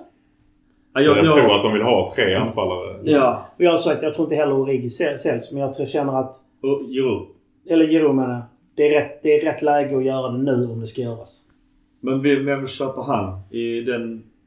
Nu säger jag åldern fast det är egentligen oväsentligt med tanke på hur han levererar som 35-åring. Det är många klubbar som behövs som skulle vilja ha den typen av spelare. Han har kanske en säsong till i sig. Men jag hade hellre gett en tar vi in Skamacka så vill jag hellre ge speltiden till honom. Det är där skillnaden ligger. Jag måste ta... Måns hade tagit honom direkt. Ja, ja, ja. Jag måste ändå ta mitt buggeteam. Bara för att, för att retas lite. Och jag sticker ut hakan direkt. Det, detta här får man ta med en nypa salt. Målvakt. Donnarumma. Milan byter Mike mot... Är det någon budget på detta eller är detta bara... Detta går ihop. Detta går upp. Detta kommer ihop. Jag är helt med på det bytet faktiskt, vill jag bara säga redan nu. Ja. Mm. Men det är kanske, det är kanske där sen vi skakar hand och är färdiga. Ja. Egen produkt eh, och allt sånt där. Klockrent få tillbaka de rummen. Ja. Mina siffror går ihop. Det är lite jinx i och för sig för där är en del spelare som har utgående kontrakt med ett år. Så det, det är lite så här. Men jag säger så här. Eh, in då Rigge klar. Västerback. vänsterback. Marcelo också. Mittback som jag sätter Romagnoli i M. Bemba från Porto. Bosman. Kostar inte en spänn. Bytet då mellan Mike och Donnarumma. Ut på lån var samma spelare som tidigare. Eh, försäljningar. Rebic, Samo, Caldara, Balotouré och Benasser. Eh, transfervärdet är 33 miljoner euro. Jag tror att han kommer gå för mera, men jag sätter 33. Vilket då innebär att Milan köper och här blir det ett hittepå. Jag, jag tar den på mig. Vi är i Barcelona. Ekonomiskt total monopolpengar. Så de behöver varenda jävla krona de kan få. Man kan till och med gifta sig på Nou Camp om man vill det för en liten summa pengar. Eh, Vi har Ricky Push och Gavi utgående kontrakt. Vi köper de två plus Kessie. För de har inte råd med att ha Kessie helt enkelt. Och mycket betalar du för Kessie? ja, han har ju han har ju transfersumma på De 40 bryter, de bryter De bryter kontraktet. För att de har inte råd att betala lönen. Eh, alltså, förlåt att jag avbryter mitt i ditt jättefina lagbygge. alltså det, det finns ett rykte, och detta är bara rykte, men att Bayern München vill inte sälja Lewandowski med avbetalning till Barcelona för de tror inte att Barcelona kommer att finnas som klubb om två Jag år. vet. Jag läste också. Det är bisarrt. Det är Kul. skitsnack. Det är skitsnack såklart, men det är fortfarande kan det finnas en viss sanning att de inte vill ge det på en avbetalning. Ja. Det handlar bara om att de inte vill ge Barca den, den Ekonomisk fördel helt enkelt. Nej. För Bayern har ju ingen fördel i Tyskland och um, inget monopol där. Så att det, Absolut inte. Nej. Förlåt, fortsätt. Nej, nej, absolut. Och sen så då... eh, Då har vi då Tonali, Kessie, Krunic och Gavi som, eh, och Pobega som, som roterar på de här två positionerna. Då som AMC har vi då Adli och Ricky Push. Eh, vänsterytter har vi Leao och Jonathan eh, eh, Bamba från Lille. Också utgående kontrakt så lite rabatt. Han och Rebic kostar lika mycket, det vill säga 17 var. Sen har vi då anfall har vi då Giroud, Zlatan och Rigi. Och sen kommer då högerytter. Då har vi Salamakers och Cristiano Ronaldo. Och nu knackar Gurra i sin mun. Jag gillar inte våldtäktsmän. Nej, det gör inte jag heller såklart. Men det här äh, går ihop eh, om man då lägger plus då 50 miljoner euro från klubben. Eh, detta, är, detta är ett budgetteam. Men min poäng är fortfarande att vi kan göra affärer med Barcelona för de har äh, jävligt tufft och äh, äh, Gavis morsa och äh, vi kanske vet att hans morsa och äh, Piqué har haft privata möten. Så att jag Sen ska tror du inte- säga det med Barca för de har ju tydligen nu... Fan vad jag hörde. Det var senaste Sillypodden tror jag. Nu, nu har de gått in, nu har de fått möjlighet att göra vissa förlängningar med kontrakt och skriva om. Sen är det ju det också att vissa spelare vars kontrakt gått ut som de själv får signa om och räknas som nytt och får de lägga ut på flera år. Ja, sånt här som Mackan rabblar om. Ja. Det är mycket kreativa lösningar där just nu. Jag måste också bara försvara mitt val av, av Cristiano Ronaldo. Vi alla vet att han är... Man kan tycka om man vill honom privat. Han ville lämna United. Han är gammal. Ja. Han har hög lön. Ja. Han vill spela Champions League. Och han har lite så bränt rätt Glöm många att säga att han är en rövhatt. Ja, han där gjorde USA är absolut ingenting någon av oss ens vill ta med tång. Däremot, det är lite som Marcelo och Zlatan. Att man köper in sjukt mycket vinnarmentalitet och allt vad det innebär. Det kommer aldrig hända. Jag har bara lyft upp som, som en buggy-team för att jag, min poäng är med det här teamet, det är att söka, söka upp, alltså lite med ålder och erfarenhet och kunskap, pang, nu. Det handlar om mina två stjärnor för Inter och det ska vi göra i maj nästa år. Men alltså min enda invändning, är inte han egentligen bättre på vänsterkant? Ronaldo, Han kom fram som högerytter. han var ju högerytter i United. Ja, fast om du tittar när han har varit som bäst, vilket han måste ju få vara i Real Madrid. Då spelar han vänster. Ja, det, gjorde, han- det gjorde han faktiskt. Ja, 99%. du har rätt. Men där är Leo. på högerkanten och Benzema på topp. Leo är på högerkanten, eller vänsterkanten. eh, Och det kommer aldrig hända. Men jag bara vet på att, det hade varit jobbigt att möta. Leo på vänster, Ronaldo på höger. Vem som helst som har om sig bättre än Vem Diaz. som helst. Vem som helst som har en. Ja, den är hård. Men sen också har man då en Origi, Zlatan, Giroud alltså som ett fyrtorn. Jag tror de kan ha väldigt mycket nytta av två så pass jobbiga jävla yttrar. För de utmanar, det är som sa, vi måste dubbla båda. Det är lite det jag tänker med Berardi också. Berardi är fantastiskt. För, hade, för, för, för det är lite det jag har i mitt lag. Har du Berardi på ena kanten och Leao på andra. Ja. Då kan de inte stänga ena kanten för oss. För då glider vi igenom på den andra. Ja. Nej alltså Berardi... Och sen Dybala i mitten bakom. Ja, alltså jag, nu, nu, om det stämmer här att, att Dybala och Renato Sanchez är en skenmanöver. Det, det får vi återstå och se. Det är fortfarande två spelare jag skulle vilja se i Milan för att de är så pass bra. Renato är en spelare som jag velat se ända sedan jag såg honom första gången. Och det är en spelare som kan spela på alla mittfältspositioner. Det ryktades väldigt mycket om honom när kineserna köpte Milan. Kommer Ja. Då var vi, redan då var vi oroliga för hans skadebenägenhet. Ja. För då tillhörde han ju Bayern München. Vi spelade väl till och med mot Bayern München i någon vänskapsmatch där och vann. Tror jag. PSG-pengar lockar mycket. Alltså det blir höga löner då Ja. helt enkelt. Ja. Även om du kan få till en vettig peng. Någonstans så får man också utvärdera hur bra kommer Pobega och Agli vara. Där tycker jag själv i mitt eget bygge att jag inte ersätter Kessie. För den rollen är otroligt viktig. Det gör inte jag heller. Men jag tror att eh, Pobega och eller Benasser kan lösa den. Ja, alltså jag hoppas det. Jag tycker Ben Nassers säsong 21-22 den slits ju sönder av skador och, och covid. Mm. Och Pioli har själv sagt att jag förväntar mig väldigt mycket av honom denna säsong. Men så som Pobegas kurva är så jag är inte förvånad om han är, får startspela tillsammans med Tonali en bit in på säsongen. Vi får inte glömma att det är italienska landslagets framtid, de två. På det centrala mittfältet. Det, Och det ska inte undervärderas. Då, alltså egentligen Benazer och, och Tonali kanske tar ut varandra lite i och med att båda två är väldigt duktiga på att vara offensiva för att vara defensiva mittfältare.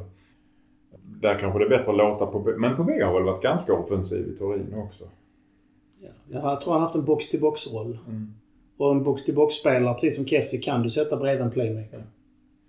Jag får ge dig lite kritik till. Kronic kommer i aldrig sälja. Han är ju älsklingen för Pioli. Han kan sätta honom var han vill. Förvisso, men jag ser ingen plats för honom. Det är ju snack om nytt kontrakt på honom också. Och jag tror att uh, utifrån senaste, eller sista matcherna i uh, den vinnande säsongen när vi tog Scudetto, nummer 19. Så hade han ju ändå en ganska tydlig roll. Och, och som han själv säger, det här jag kan gå in och spela var ni vill, hur lite eller hur mycket ni vill. Jag kommer att göra 110% av någon. Och att alltså, höra sånt från en spelare, det är svårt att inte gilla det. Speciellt när du inte har någon lön som är att snacka om. Där är ju... Ja men absolut, det är en guldspelare på det viset. Men jag, alltså, problemet är att i de rollerna han har använts har han varit för dålig. De gångerna han har varit bra, det var gå in som AMC, nu plockar du bort Brozovic. Han ska inte röra bollen. Okej. Var han riktigt Ja. bra. Det, det, det som vi har sagt många gånger just om, om eh, Rade Krunic, det är att han har använts väldigt många gånger i fel roll. Eller kommit in, sitta 10 minuterna. Ja okej men, men löp, förstör, döda ytor. Det syns ju inte. Det är hopplöst jävla inbyte att göra. Det är svårt också att briljera som egentligen defensiv spelare från början.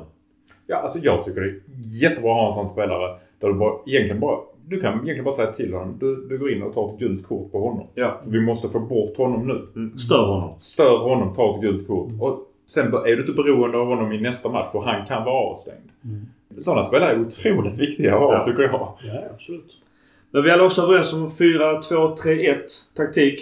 Eh, Piolo själv snackar om eventuellt byta. Jag vet inte varför han gör det för att vill han tro att vi är förutsägbara så tror jag att det blir fel. Jag tror inte det kommer att ändra. Dels han har en stabil uppställning. Däremot kommer han att tweaka pressspelet. Han kommer att tweaka styrspelet. Han kommer att tweaka var spelet går. Får vi en vettig AMC så har vi plötsligt ett alternativ till. Får vi en bättre högerytter och ytterligare ett alternativ. Hur vi kommer att spela upp från backlinjen. Sådana tweakar kommer han att göra. Men jag tror inte han byter spelsystem rakt av. Vi har ju faktiskt... Jag ska inte säga att vi har spelat med en trebackslinje men i vissa matcher ser det ut som att vi spelar med en trebackslinje. Mm. Så att det är inte... Du menar för att Hernandez är en planhalva? Hernandez går upp men då går eh, oftast Tonali ner och spelar mittback eller Kessie. Mm. Alltså så att du får ju den... Ja, eller att Calabria går in och Selmax går ner och kör lite wingback höger för, för att täcka upp. Det handlar ju hela tiden om, som jag försöker förklara för ja, många, att det handlar om att ha en balans på spelet. Alltså, om nu vi har en extremt offensiv vänsterkant så betyder det ju såklart att de måste täcka upp för det ju. Och eftersom vi har vänsterkanten kvaliteten offensivt då får man ju balansera det. Det är därför jag är lite rädd för, som jag frågade just eh, förra avsnittet, just hur pass bra är Ziyech då som högerytter i den defensiva positionen så vi inte har en, en Susu-variant på högeryttern och en Leo på vänster. För då blir det jävligt tufft att spela som innermittfältare utan en Kessie som städar hårt. Ja, men Ziyech är ju riktigt bra. Han, han kan jobba, han jobbar upp ner längs kanten. Väldigt bra passningsfot. Alltså det är ju passningsfötterna som är hans stora signum liksom. Och hade inte jag haft Berardi så hade jag tagit in Ziyech där. Så att, du har kollat upp Ziyech lön. Som var, vad, vad sa om det? vad sa vi? Sex? Så 6 till 6,2 miljoner euro var detta för Euro. du ändrade till euro. Brutto. Ja. Och det kan väl Jag bli matcher? Jag tycker inte det är några vansinniga summor. Nej. Givetvis kan vi få Chelsea att betala en del om vi lånar honom så är det klart att vi ska göra det. Mm. Men jag tror inte det är en omöjlig lön. För att vi får tänka att vi blir av med en Romagnoli-lön som är skyhög. Speciellt för en spelare som vi knappt har använt det sista halvåret. Zlatan-lönen sänks. Det är klart att vi måste väl, för att förlänga med Leo måste vi erbjuda högre lön där. Men där är ju ändå en liten utrymme. Leo snackar ju om att han kommer att bli bäst betald i Milan. Och det är väl rätt? Ska vi behålla honom så måste vi det. Han är ju vår framtida Ballon d'Or. Behåll honom, se hans utveckling. Att någon sen kommer att lägga en och en halv miljard på honom.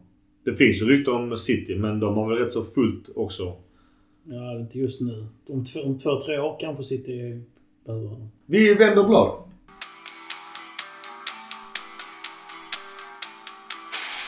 Förutom då Zlatan förlänger. Annars, på tal om legender. Eh, vad händer med Dida? Ja, det är väl inte helt klarlagt varför men av personliga skäl har han bestämt sig för att eh, avsluta som målvaktscoach. Och Det är ju synd tycker jag. har Jättesynd. han nog gjort bra. Han och Mike verkar ha trivts jättebra ihop. Det ser man i alla fall på alla YouTube-klipp. Att de verkar ha väldigt harmonisk stämning. Precis. Och nu kommer jag inte ihåg vem fan som kom in som målvaktstränare istället. Ja, det har varit lite olika rykten. Nu kommer jag inte heller på det varför det. Annars legender. Vi har ju... Förutom när Dida lämnar så har vi däremot... Ignazio Abate tar över för um, tar över primaveran. Kul att eh, traditionen lever vidare. Kulturbärarna även fortsätter inom ledarstaben. tycker det är konstigt att, att ingen ändå plockar upp honom. Han slutade som 32-åring. Jag skrev faktiskt till eh, MFF sportchef Daniel Andersson att ta, ta in Abate. Så, sen något år tillbaka. Han är ju utan kontrakt och med den erfarenheten och, och speeden han hade. Men har inte han haft under U17 eller något sånt? Jag tror han har haft... Eh, Men oavsett, han hade ju, han hade ju problem med knä, knäskador de sista åren. ja. Så att jag förstår att han ville lägga av. Men jag gillar ju att- just Milan vill hålla det här Kulturbärarna får vara kvar. Och Ja. det, det betyder jättemycket. Det är ju därför du pratar om att Zlatan ska är nästan vara garanterad en, en roll i klubben även efter. Kommer du på det Mackan? Nej, jag bara kollar Milans officiella app. Ja. Den, är helt okej. eh, även om de har missat truppen för tillfället. När Ja. de har byggt om den. Att Colombo är officiellt utlånad med en möjlighet till köp Lecce, som vi sa. till Lecce. Ja. Så att mm, jag förlorar... Min budget går fortfarande ihop. För jag får Ja. ja. 3,5 miljoner euro mindre får jag in. Jag tänkte vi bara lyfter kort Charles de Kettlare som är ju en enorm talang. född 2001. 1,92 lång. Så han är ju också duktig på huvudet. Kan spela på alla offensiva mittfältspositioner. Han spelade 3248 minuter.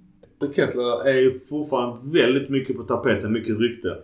Nu skapar väldigt mycket i en ganska blek liga. Eh, jag tror belgiska ligan ligger väl rankad 11, 12, 13 någonstans i Europa. Och med Club Brugge är ju alltså, ett jävligt bra lag. Har ju bra spelare. Regelbundet Champions League-lag Ja. Och han har ett värde på 30 enligt Transfermarkt. Utgående kontrakt 24.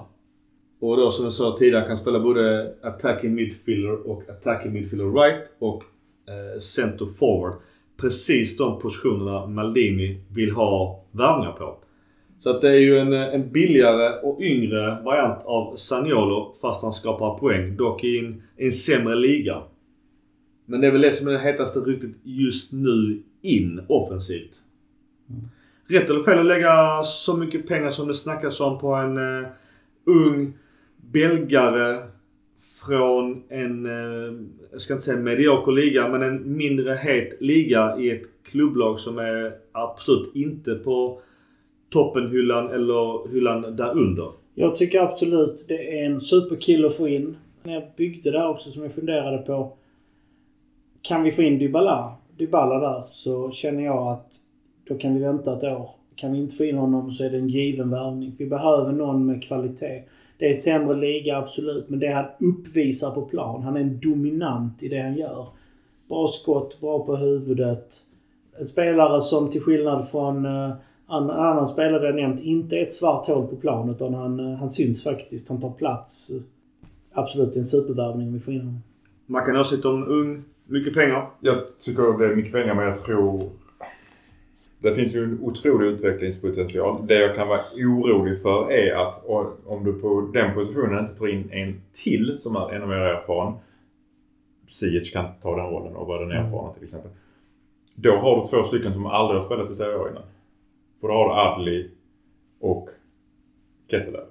De har, då kanske du hamnar i en sån där utvecklingsfas där de inte gör något väsen av sig under ett år kanske kan blomma ut sen. Men frågan är om de får chansen om det inte händer någonting. Sen också, till skillnad från football manager, så i det riktiga livet så en ung spelare flyttas. Sen har en Sellenacker som belgare som jag vill ha kvar i laget just för att av många anledningar. Men det är rent socialt. Det är väldigt viktigt att, att fungera rent socialt. Men pressen på en spelare som köps för 30 till 35-40 i ett scudetto-vinnande lag. Där han kanske går rakt in i nummer 10-roll. Det hade jag inte velat ta på mina axlar om inte jag haft ett jävla pannben. Så det gäller verkligen att han spelas in varsamt, rätt, med mycket tålamod. För att annars så blir det lite så, vet han, Kurkuf. John Kurkuf. Mm. Samma talang. Skapade så mycket i Bordeaux eller fan han spelade. Det, han skulle vara nästa Kaká. Ja det blev piss. Visst han verkar vara psycho i huvudet. Men min poäng är fortfarande det är mycket pengar och mycket press. Och Milan idag är i press. Det ska levereras.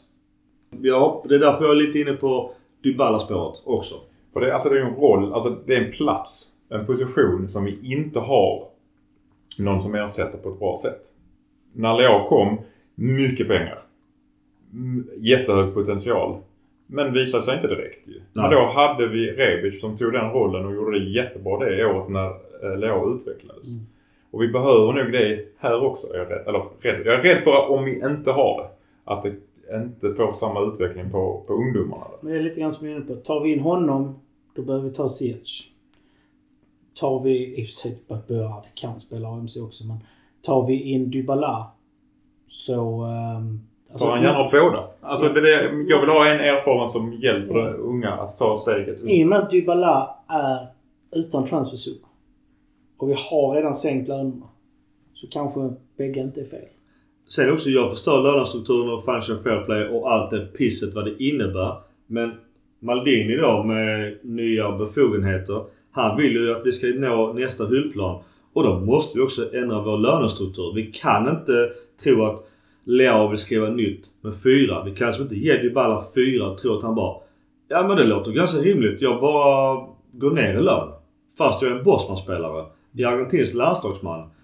Etablerade seriespelare. Varför ska han gå ner i lön som Bosman-spelare? Utan Det var, vill ni ha honom? Antingen att det är en rökridå eller inte. Vill man ha en Bosman-spelare av Dybalas kvalitet? Återigen, inte min personliga favorit. Men kvaliteten finns där. Skadebenägen? Ja. Men då får man hosta upp pengarna. Det är ju inget snack om saken. Man får ju se det som att du betalar inte någon transfersumma. Ja. Lägg då det på lönen. Precis. Alltså, Vi tar bara kort. Nu har inte jag TikTok. Det är eh, däremot många som följer Milan. Och eh, om man ser på Worldwide så sett till, till visningar så ligger faktiskt eh, topp 5. Då har vi vilka då Mackan? Real Madrid detta 467 miljoner. PSG 2 257 Milan. Visningar, Visning. Eh, Milan 3 på 132. Barcelona 410 miljoner och Manchester United 102. Alltså TikTok i all ära men är, är det någon med köpkraft som använder TikTok? Jag vet inte. Noll koll. Jag tänker bara med att eh, det är överallt. marknadsföring. Gratis marknadsföring. Det är klart om ungar, alltså egentligen kanske det är smart. Barn använder TikTok. Då går de och ber mamma och pappa om en Milan-tröja. Ja. Ja men tänk då en Zlatan i Milan-tröja. Dybala kanske, you name it. Teo är också populär. Alltså de har ju väldigt namnkunniga spelare då faktiskt. Så att eh, jag tror att det är en av många ringar på vattnet. All publicitet är bra publicitet. Exakt. Bara kort också. Vi är Scudetto-vinnare men vi är dock även, eller vi är även Scudetto-vinnare i eh, Ungdom 15. Så att eh, jag tycker det kan betyda att vi har eh, ungdomen och framtiden säkrad. Men det är ju i alla fall ett eh, symboliskt stort värde att bli U15-mästare. Gick inte U18 långt också? Jag tror tyvärr, eh, jag vet fan om Inter vann det. Ja, men Var det inte, var det inte U15-anfallaren som gjorde Ja. 485 mål på 84 matcher? Han lyfte i något avsnitt att han har gjort helt bisarrt mycket mål. Alltså, som sagt det var, nasty. Nasty. nej, Nej, det det här är en ung kille. Han är Ja. 14 bara. Ja. Men, och visst, det är U15, men att göra 485 mål på 84 matcher. Ja, alltså det är ju inte... Även i Ja. U15, det är... Kanske nya Mastor. Fem mål per match. Ja, alltså det är helt galet. Ja. Nej, han är sjuk. Men Nasti som du nämnde. Sex mål per match. Nasti som du nämnde är ju också en stor talang. Som det ryktas med att... Eh, han, han är ju redan etablerad Primavera-spelare men det är också mycket snack om att Milan vill ju flytta upp honom för att... Och skriva ut kontrakt. För att han är så pass stor talang. Att eh, det är ju ingenting Milan vill tappa. Men det är ju sådana såna affärer vi ska göra. Ja. Avslutningsvis, eh, säsongen börjar ju snart. Det är ju faktiskt redan match mot eh, Måste vara en match tidigare. Köln. Var Precis först. den 17 va? Ja, och det är faktiskt jävligt snart. Och sen har vi då... Vi ska även spela mot eh, ZTE FC och Olympique Marseille. Ja. Och jag är fortfarande helt ointresserad av träningsmatch. ja. Men eh, avslutningsvis, hit and shit. Men eh, jag kan börja. Min hit är ju såklart eh, ganska uppenbar. Det är att eh, Malini Massara har förlängt. Det är ju där vi börjar bygga från. Och eh, symbolvärdet, eh, mervärdet är liksom 10 av 10. Så att det är ju enormt viktigt. Shit. Ja, man vill ju gärna se spelare in. Eftersom säsongen börjar 10 så vill man gärna se spelare in så fort som möjligt. Adli är på väg i all ära att de är redan igång med tränar och det verkar fungera bra. Adli enligt klippen verkar ju vara en jävligt trevlig och sympatisk kille så att eh, rent socialt så verkar han redan kommit in i gänget. Så det är ju det är ju fantastiskt bra. Men avsaknaden av eh, AMC är ju ganska stående. Jag, jag, jag vill inte se Diaz ett år till. Bra. Hitten är ju som du är inne på Maldini Masara.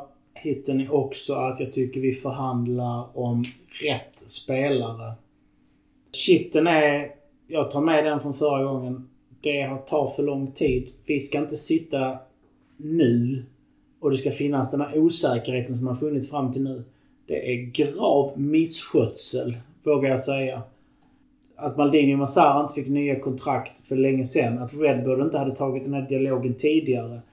Och alla de här sakerna. För att det här... Nu, nu ska ju transferna bara trilla in. Allt det jobb som görs nu ska redan vara gjort. Det gör ju att andra kommer in på bollen som inte har gjort det innan. Sen som jag var inne på, jag ställer mig väldigt frågande till Messias kontrakt. Hoppas nu att det är under de förutsättningar vi pratar om. Så den är lite sån här shit inom parentes. Och eh, shitten eh, förväg är om Diaz får vara kvar. Sista ordet Mackan? Nej, jag tror hitten är i förlängning. Ja, Den är den absolut bästa kontraktsförlängningen vi har gjort. Med Maldini och Massara. Eh, Shitten är att jag var så fruktansvärt dålig på quizet idag. det var nog... Nej, jag skäms lite Jag också. skäms faktiskt lite för det. Ja. Ska vi, ska vi klippa bort allt? Bara Ta bort det allt. Ja. Släpper jag en piratsändning där jag berättar hur ni svarade istället. ja. Precis som göra, vad heter de? När man betalar. Patreon. Patreon. Nej, då gör jag en egen inspelning. Och här svarade Mackan. Och sen svarade Micke. Ja, det var jobbigt. Forza Milan. Forza Milan.